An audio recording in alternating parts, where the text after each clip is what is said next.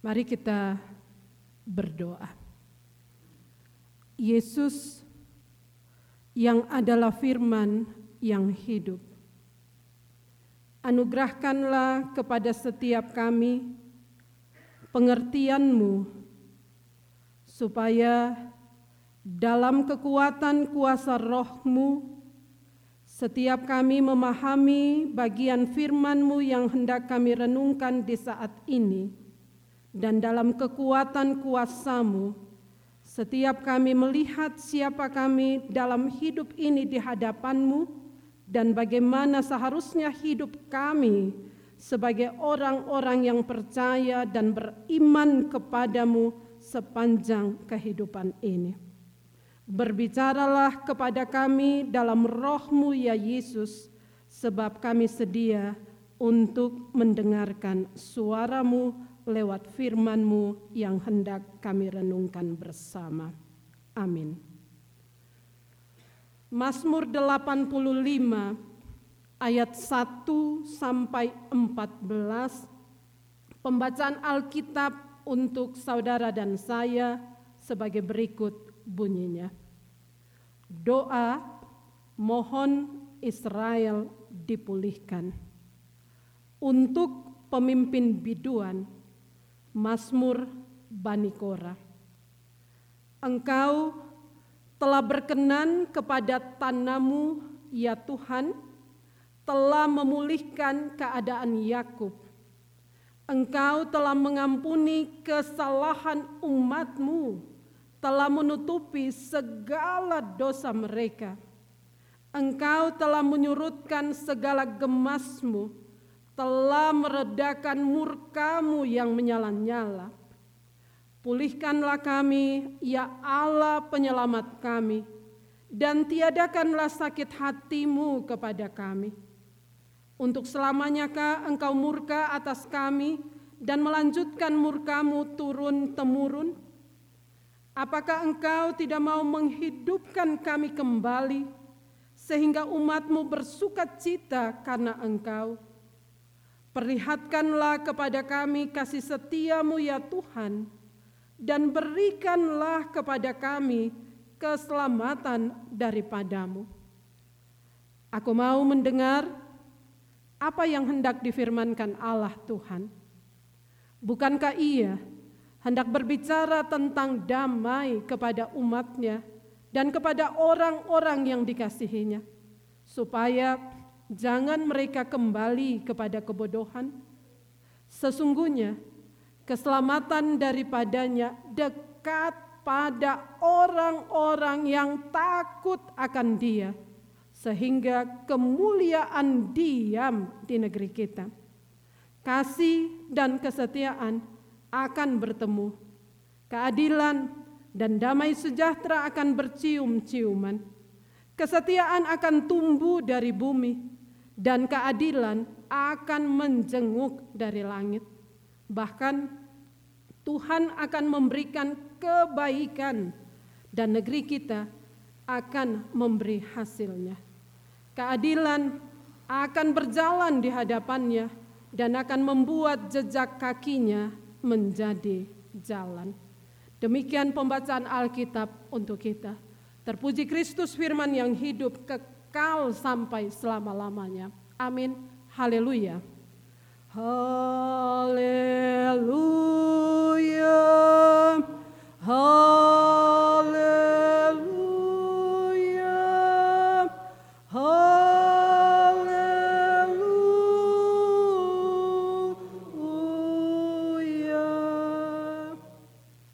Bapak Ibu Saudara, jemaat yang dikasihi diberkati Tuhan. Apa kabar? Puji Tuhan, karena kasih dan kebaikan Tuhan, kita diberi kehidupan dan diberkati untuk ada dalam persekutuan ibadah di saat ini.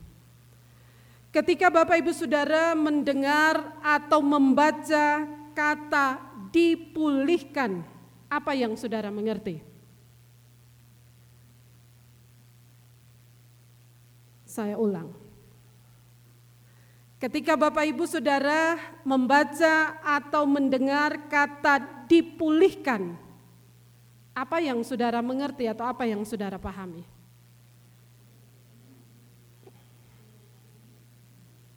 Bicara saja, tidak apa-apa. Disembuhkan. Yang pasti bahwa kita mengerti kalau bilang dipulihkan itu secara sederhana berarti dikembalikan seperti keadaan semula, begitu ya? Atau kalau orang sakit dipulihkan kita bilang disembuhkan. Menurut Bapak Ibu anak-anak, apa saja sih dalam hidup ini yang perlu dipulihkan? Begitu toh? Apa saja yang perlu dipulihkan dalam hidup ini? Atau tidak perlu? Pasti ada banyak misalnya kesehatan kita perlu dipulihkan. Bapak Ibu merasa kesehatan perlu dipulihkan? Pastilah kalau kerja so capek, kan perlu tenaga baru, kekuatan baru, kesehatan, kesegaran yang baru, supaya kuat lagi bekerja, begitu toh? Ya, ada banyak yang perlu dipulihkan. Misalnya tadi saya bilang soal kesehatan kita, tapi juga soal relasi kita, baik relasi kita dengan Tuhan, relasi kita dengan orang lain, relasi kita dengan alam semesta yang adalah juga ciptaan Tuhan, anugerah Tuhan bagi kita dalam hidup ini. Bahkan juga situasi, keadaan-keadaan hidup setempat juga perlu dipulihkan. Ada banyak hal yang perlu dipulihkan dalam kehidupan kita. Mari kita belajar dari bagian firman Tuhan di pagi ini, secara khusus Mazmur 85 yang dituliskan pada judul perikopnya adalah doa mohon Israel dipulihkan. Pada perikop ini siapa yang perlu dipulihkan? Siapa yang memulihkan Israel? Dan mengapa Israel perlu dipulihkan? Itu yang perlu kita lihat dari bagian ini. Saudaraku, memahami Mazmur 85 dengan kata lebih dulu doa, maka doa dalam konteks Mazmur 85 tidaklah dimengerti seperti kita berdoa lipat tangan, tutup mata lalu kita bicara dengan Tuhan. Tapi Mazmur 85 doa dalam bagian ini adalah doa yang disampaikan dalam bentuk nyanyian kepada Tuhan. Mengapa saya katakan doa dalam bentuk nyanyian yang dipersembahkan atau disampaikan kepada Tuhan? terkait dengan apa yang dituliskan Mazmur Bani Korah. Bani Korah itu pakai bahasa yang sederhana saja supaya anak-anak bisa mengerti. Kita menyebutnya dengan bahasa hari-hari adalah satu kelompok paduan suara dalam bait Allah. Begitu pakai bahasa yang gampang untuk anak-anak mengerti. Karena itu doa dalam Mazmur 85 sekali lagi bukan doa dalam sikap melipat tangan, tutup mata dan bicara dengan Tuhan tapi doa dalam bentuk nyanyian yang dipersembahkan kepada Tuhan. Kalau kita memperhatikan tata ibadah GKI di tanah Papua untuk tata ibadah yang baru, hasil dari keputusan sidang 18, maka khusus untuk tata ibadah minggu ketiga, doa pembacaan Alkitab dalam tata ibadah minggu ketiga adalah doa dalam bentuk nyanyian yang juga dipersembahkan kepada Tuhan. Itu tata ibadah yang baru, khusus tata ibadah minggu ketiga. Mengapa doa juga dipersembahkan dalam bentuk nyanyian kepada Tuhan? Sebab di tengah semua keadaan kehidupan umat, hal-hal yang sulit sekalipun yang dihadapi oleh umat, umat mau diajar di tengah menghadapi semua keadaan hidup yang dijalani dihadapi, pujian kepada Tuhan adalah bagian yang tetap patut menjadi bagian hidup kita. Mau hadapi apa pun, pujian kepada Tuhan itu tetap patut menjadi bagian hidup kita. Bapak Ibu Saudara yang dikasihi diberkati Tuhan, pada bagian ini khusus untuk Mazmur 85 konteksnya atau latar belakangnya adalah kehidupan umat sesudah mereka pulang atau mereka kembali dari pembuangan di Babel. Karena itu, kalau kita memperhatikan ayat 2 sampai dengan ayat yang keempat, adalah merupakan ungkapan iman bahwa dalam kehidupan mereka sebagai orang percaya, sebagai umat pilihan bangsa pilihan Allah, mereka dapat kembali dari pembuangan di Babel untuk ada di tanah perjanjian. Sesungguhnya semua itu karena perkenaan Tuhan, karena anugerah Tuhan, karena izin Tuhan bagi mereka. Karena itu memperhatikan ayat 2 sampai dengan ayat 4 ada enam kali kata telah di ayat 2 engkau telah berkenan telah memulihkan telah mengampuni di ayat 3 telah menutupi segala dosa ayat 4 telah menyurutkan segala gemasmu telah meredahkan murkamu ayat 2 sampai dengan ayat 4 mereka sadar, mereka mengakui, mereka menyadari bahwa karena dosa mereka, karena kesalahan mereka, mereka ada di pembuangan. Tapi karena perkenan Tuhan, karena kasih karunia Tuhan, karena anugerah Tuhan, mereka diizinkan kembali dengan cara dan kuasa Tuhan untuk kembali dalam kehidupan mereka sebagai umat perjanjian, bangsa perjanjian di tanah perjanjian. Persoalannya adalah setelah mereka kembali tiba di tanah perjanjian, mereka berhadapan dengan situasi realita kenyataan yang berbeda dengan harapan mereka. Yerusalem telah menjadi porak-poranda.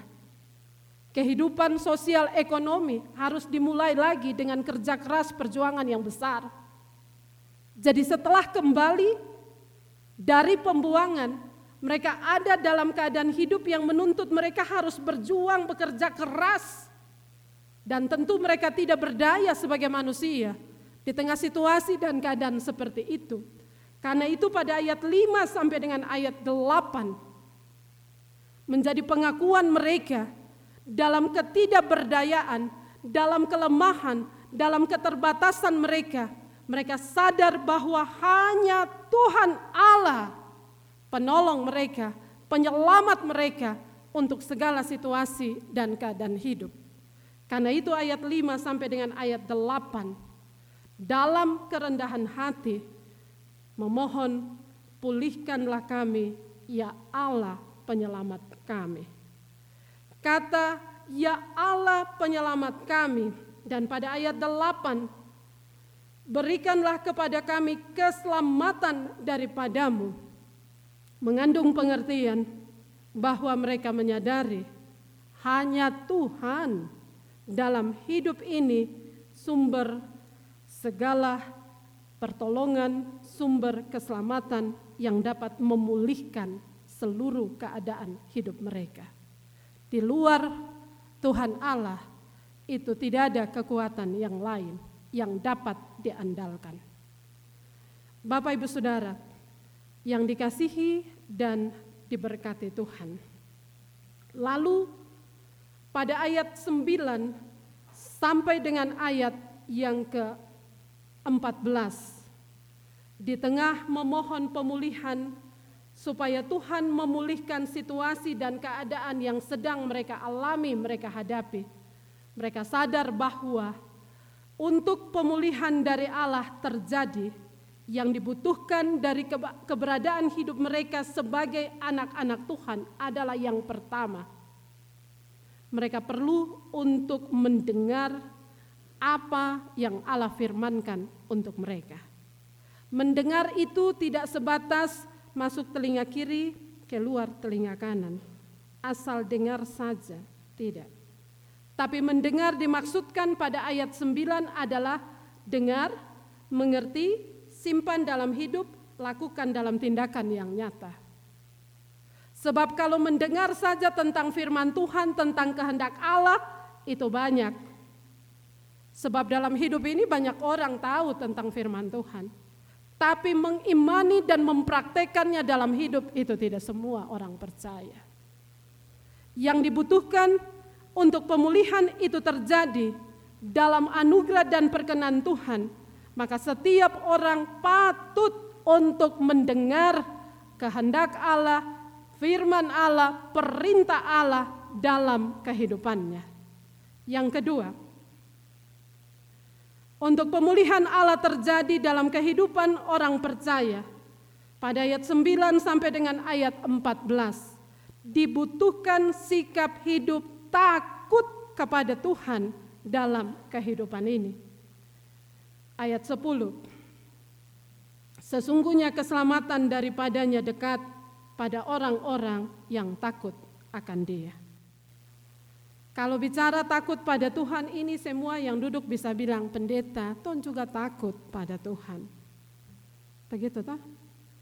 Kalau saya tanya, Apakah Bapak Ibu Saudara takut pada Tuhan? Pasti bilang takut pada Tuhan. Atau kalau saya tanya, siapa yang takut pada Tuhan? Angkat tangan. Pasti semua angkat tangan. Persoalannya adalah kita tidak hanya dapat mengatakan bahwa kita orang-orang yang takut pada Tuhan. Tetapi takut pada Tuhan itu patut dinyatakan dalam semua realita kehidupan kita.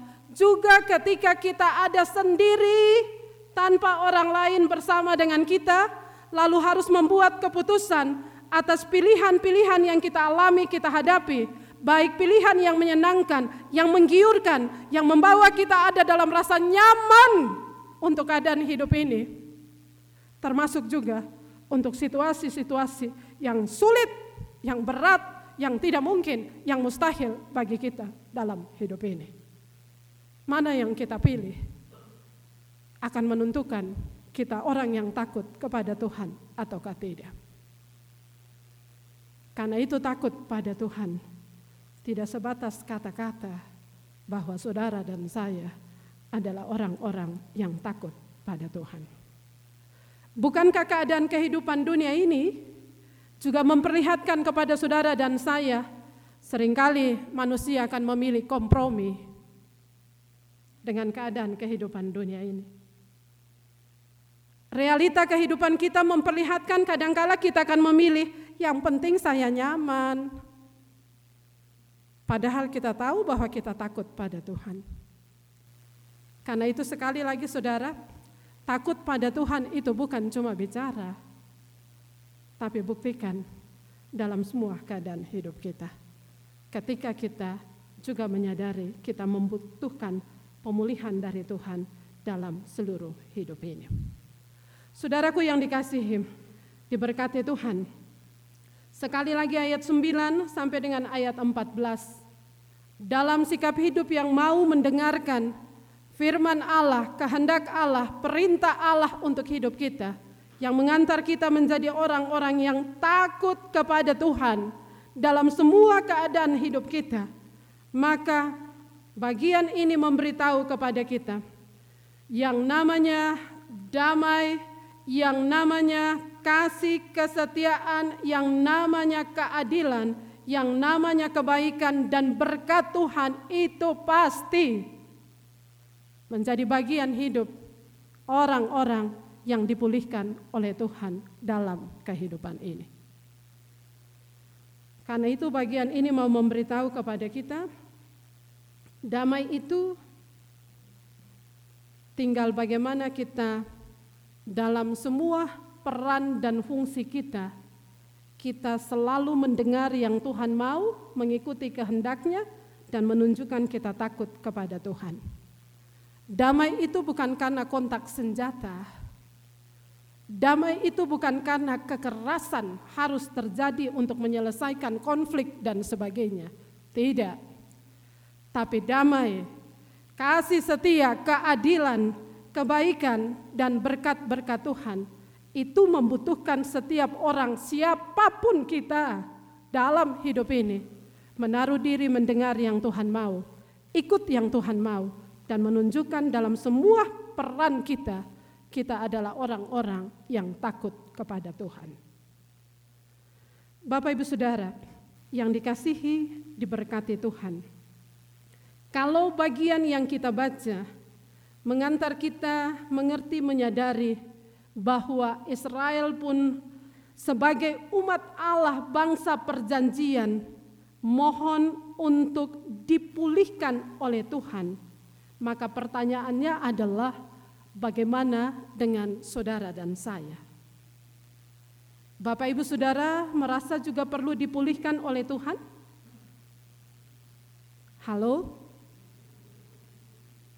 Saudara pun merasa perlu dipulihkan oleh Tuhan pada saat ibadah ini saudara sadar bahwa saudara juga merasa perlu dipulihkan oleh Tuhan? Atau tidak perlu? Kalau saudara merasa saudara tidak perlu dipulihkan oleh Tuhan, saya katakan sebagai hamba Tuhan jangan tinggal dalam kekerasan hatimu. Sebab siapa pun kita manusia, saudara dan saya adalah orang-orang yang perlu untuk dipulihkan oleh Tuhan dalam keadaan kehidupan dunia saat ini.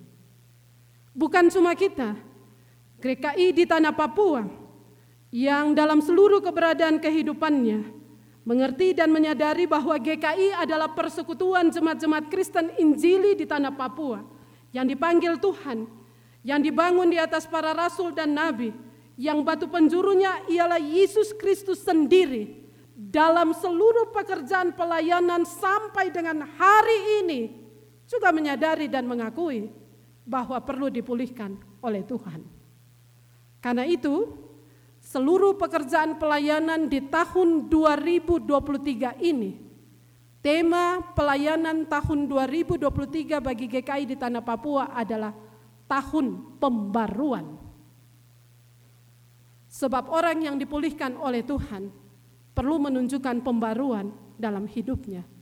Dan pembaruan itu harus dimulai dari diri kita masing-masing, siapa pun kita. Baik itu pendeta, penatua, siamas, seluruh badan pelayan unsur, panitia-panitia dalam pekerjaan pelayanan gereja, bahkan semua warga jemaat, kita perlu ada dalam pembaruan karena kita dipulihkan oleh Tuhan. Pembaruan itu tidak akan terjadi jika kita tidak menunjukkannya, tidak memulainya dari diri dan hidup kita dalam semua fungsi peran dan tanggung jawab yang Tuhan beri kepada kita. Kita dulu yang harus dipulihkan, kita dulu yang harus dibarui supaya dari diri dan hidup kita itu membias bagi orang lain. Karena itu dalam semua peran fungsi dan tanggung jawab kita, tidak perlu untuk bicara dan tuntut banyak. Tidak perlu untuk mengkritik dan mengkoreksi orang banyak kalau kita tidak memulai segala sesuatu dari diri dan hidup kita. Itu harus ada pada kita.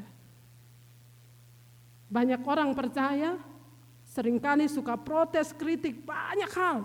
Bicara juga banyak hal, tinggi sekali. Tapi tidak memulai segala sesuatu dari diri dan hidupnya. Bagaimana mungkin mau menuntut perubahan kalau kita tidak memulai segala sesuatu dari diri dan hidup kita?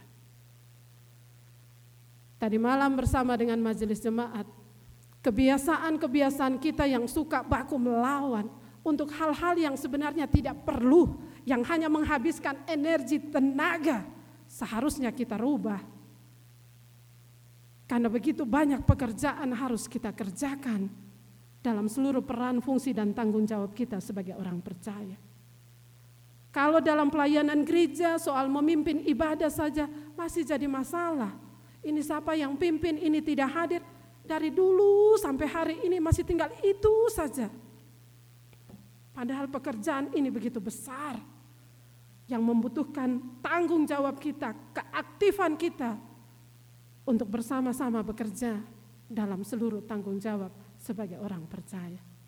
Yang perlu ada dari kita semua adalah mari satukan pemahaman kita, satukan komitmen kita sebagai orang percaya, sebagai gereja Tuhan yang Tuhan hadirkan, Tuhan utus ada di tanah ini untuk memainkan fungsi dan peran kita yang harus kita lakukan. Hari ini saudara dan saya sebagai gereja dan orang percaya secara khusus sebagai warga jemaat GKI Kalvari Tembagapura. Kita diperkenankan Tuhan ada dalam ibadah syukur perayaan 67 tahun GKI di tanah Papua. Saudara dan saya sedang ditempatkan Tuhan di tengah kehidupan dunia sekarang ini yang penuh dengan tantangan dan ancaman. Yang menuntut kita tidak bisa tinggal dalam kenyamanan kita, yang menuntut kita tidak bisa berdiam diri, yang menuntut kita tidak sekedar aktif memberi diri dalam pekerjaan pelayanan, tapi menuntut kita lebih lagi untuk melakukan perkara-perkara yang besar di dalam dan bersama Tuhan karena kuasanya yang dahsyat dan ajaib dalam hidup ini.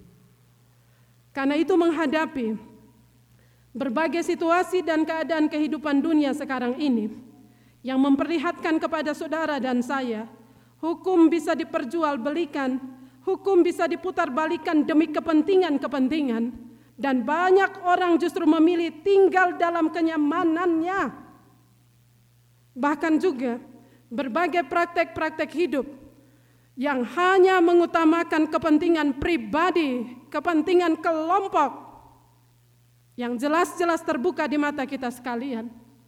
Di mana sering kali kebenaran diputar balikan, yang salah dianggap biasa, tidak malu dan tidak takut lagi kepada Tuhan. Seluruh realita kehidupan itu diperhadapkan kepada saudara dan saya pada realita kehidupan hari ini dan ke depan. Belum lagi kita diperhadapkan pada bagaimana seluruh orang memberi perhatian untuk tahun politik di tahun 2024. Berbagai praktek-praktek money politik yang dianggap biasa, wajar-wajar saja. Juga sering kali melibatkan banyak anak-anak Tuhan dalam praktek-praktek seperti itu.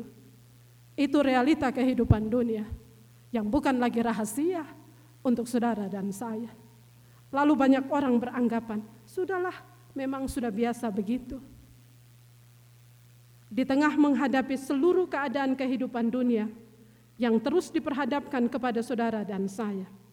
Mari belajar dari sejarah pekabaran Injil di atas tanah dan negeri ini yang menghadirkan gereja Kristen Injili di tanah Papua.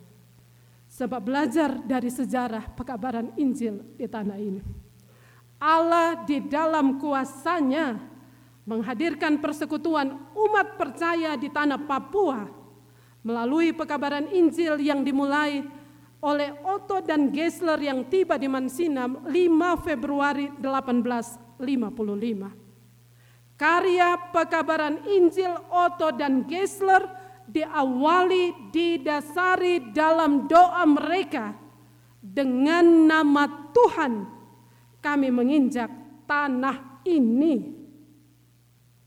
Doa Otto dan Geisler dengan nama Tuhan kami menginjak tanah ini adalah merupakan wujud pengakuan iman mereka bahwa seluruh pekabaran Injil dan pembangunan di atas tanah dan negeri Papua didasarkan dan berlangsung hanya di dalam nama dan kuasa Tuhan. Karena itu, oleh kuasa Allah, lewat pekerjaan pemberitaan Injil, kuasa Allah lewat karya Roh Kudus, lewat karya dan pengabdian Otto dan Gessler bersama dengan seluruh pemberita Injil yang lain yang datang sesudah Otto dan Gessler telah membuat Injil kerajaan Allah menjadi nyata dalam pembaptisan pertama kepada Sarah dan Margareta 1 Januari 1865. Peristiwa itu dicatat sebagai hari lahir gereja Tuhan yang menjadi tonggak sejarah kehadiran jemaat-jemaat Tuhan di kampung-kampung di seluruh tanah dan negeri Papua. Lalu bertolak dari tonggak sejarah itu ketika 26 Oktober 1956 ditetapkan keberadaan jemaat-jemaat tersebut dalam satu kesatuan dan persekutuan gereja dengan nama GKI di Nederland New Guinea yang sekarang disebut GKI di tanah Papua. Karena itu saudara, bertolak dari pengakuan itu. Dengan nama Tuhan, kami menginjak tanah ini. Yang kemudian dalam kasih dan kuasa Allah, hadirlah GKI di tanah Papua. Maka seharusnya mengantar siapa pun saudara dan saya yang mendiami dan berada di atas tanah dan negeri ini. Dalam fungsi dan peran kita masing-masing, seharusnya kita bekerja, memainkan peran kita untuk menunjukkan kuasa Allah yang ajaib, yang dahsyat itu dalam seluruh hidup kita. Saudara ditempatkan Tuhan bekerja ada di sini di Tembagapura. Tunjukkanlah kuasa Allah itu, tunjukkanlah nama Tuhan Allah itu lewat pekerjaan saudara setiap hari. Saudara ada di sini dalam kehidupan rumah tangga dengan semua yang Tuhan anugerahkan sebagai berkat bagi kehidupan saudara. Tunjukkanlah kuasa Tuhan, tunjukkanlah nama Tuhan dari tengah-tengah kehidupan rumah tangga dengan semua berkat yang Tuhan anugerahkan bagi kehidupan saudara. Sebagai jemaat GKI Kalvari, tunjukkanlah kuasa Tuhan, tunjukkanlah nama Tuhan dari seluruh persekutuan pelayanan kita. Supaya seluruh perayaan kita, 67 tahun GKI di Tanah Papua, bukan sekedar perayaan seremonial belaka, tapi mengantar kita semakin kuat, kokoh, teguh dalam persekutuan, untuk menyatakan kuasa Allah yang ajaib dan dahsyat itu dalam seluruh hidup ini. Karena itu berbagai praktek hidup yang tidak menumbuhkan iman percaya kita, tinggalkan, stop, berubah. Berbagai pola pikir yang tidak menumbuhkan persekutuan iman kita yang nyata kepada Tuhan dan orang lain, bahkan alam semesta ini. Seluruh pola pikir yang tidak membangun iman kita, seharusnya ditinggalkan. Supaya sukacita dan syukur kita hari ini semakin menggemparkan kehidupan dunia ini. Karena kuasa Yesus yang ajaib dan dahsyat dalam seluruh hidup kita. Mari kita pulang, lalu menjalani kehidupan ini dengan semua kenyataan hidup. Menunjukkan bahwa kita orang-orang yang dipulihkan oleh Tuhan. Kita selalu mendengar kehendak Tuhan. Kita takut kepada Tuhan dan menunjukkannya dalam semua praktek hidup sampai pada hal-hal yang membuat kita nyaman, enak.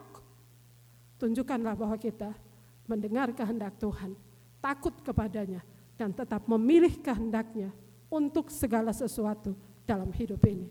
Sekalipun kita harus membayar dengan harga yang mahal, karena kita merasa tidak enak, tidak pas, satra suka yang begini. Satra cocok yang begini. Tapi ketika itu yang Tuhan kehendaki, tunjukkanlah bahwa kita mengikuti kehendaknya dan takut kepadanya dalam semua keadaan hidup kita. Dirgahayu ke-67 GKI di tanah Papua. Jayalah GKI di tanah Papua karena Tuhan adalah pemimpin gereja Kristen Injili di tanah Papua. Tuhan memberkati kita dengan firman-Nya. Amin. Mari kita bersyafaat kepada Tuhan. Kita berdoa. Bapa, Tuhan Yesus Roh Kudus, segala puji, hormat, syukur, dan sembah hanya patut bagimu kekal selama-lamanya dalam hidup kami.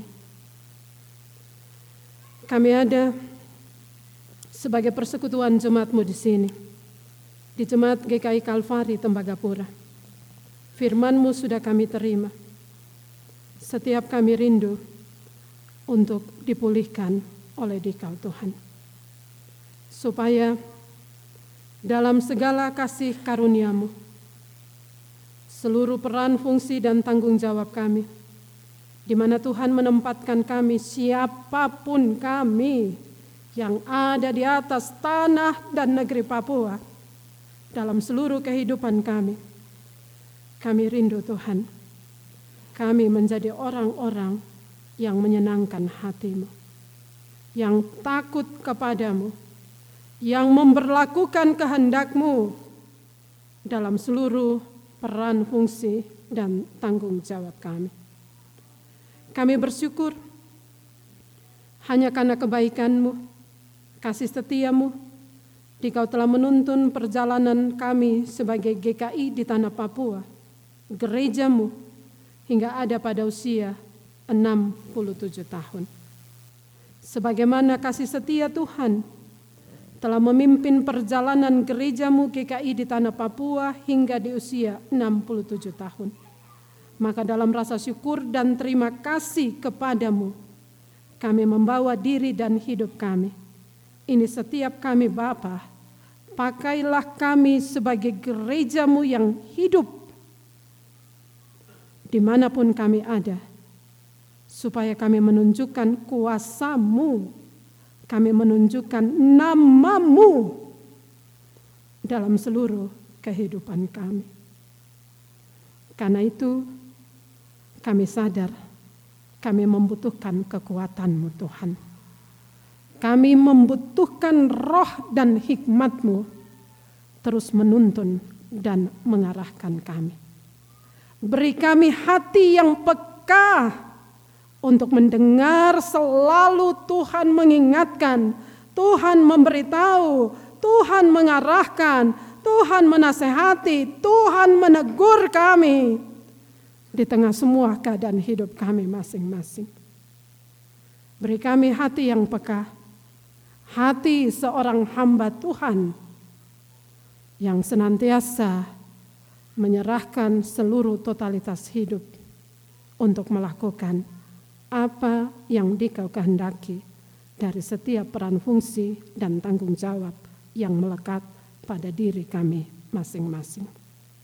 Bapa, dalam ibadah syukur ini juga, selain mempertaruhkan seluruh hidup persekutuan pelayanan kami, mempertaruhkan kehidupan pribadi dan keluarga kami masing-masing, mempertaruhkan seluruh rancangan-rancangan kami dalam segala perkenanmu, kami juga membawa padamu perusahaan PT FI dan mitra kerja.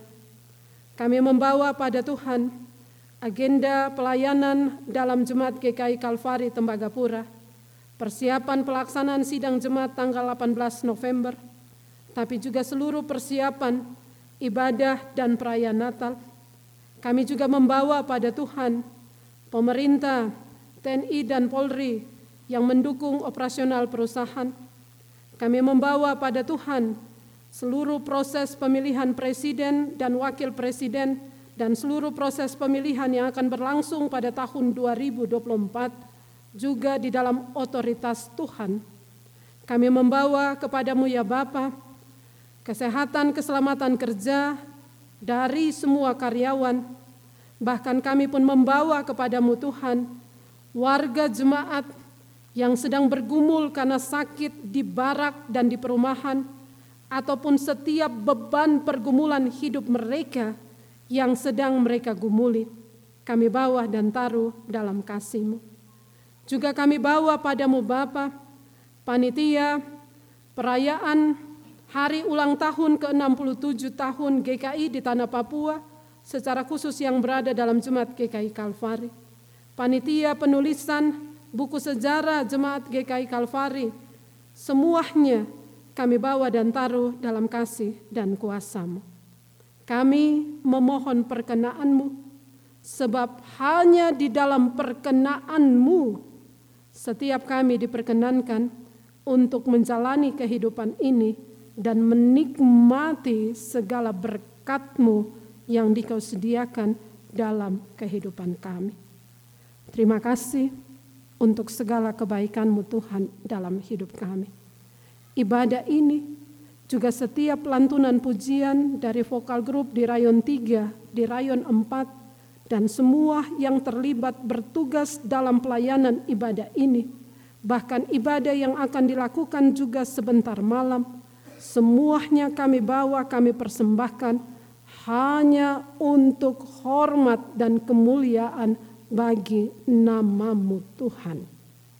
Bapa, ini kami dalam syafaat kami. Kami taruh sepenuhnya dalam segala kasih dan kuasamu, juga di tengah seluruh keberadaan hidup kami sebagai gereja Kristen Injili di tanah Papua, baik badan pekerja sinode, dan seluruh alat kelengkapan bersama dengan badan pekerja klasis dan seluruh alat kelengkapan kerja. Para pelayan firman yang adalah pendeta, guru jemaat, guru Injil, penatua siamas, badan pelayan unsur bersama dengan seluruh warga jemaat, bahkan semua umat Tuhan yang ada di atas tanah dan negeri Papua. Seluruh kelangsungan kehidupan pelayanan dan kehidupan ini kami taruh dalam otoritas, kuasa, dan kasih-Mu. Terima kasih Bapak. Hanya di dalam namamu Tuhan Yesus kami bersyafaat. Amin.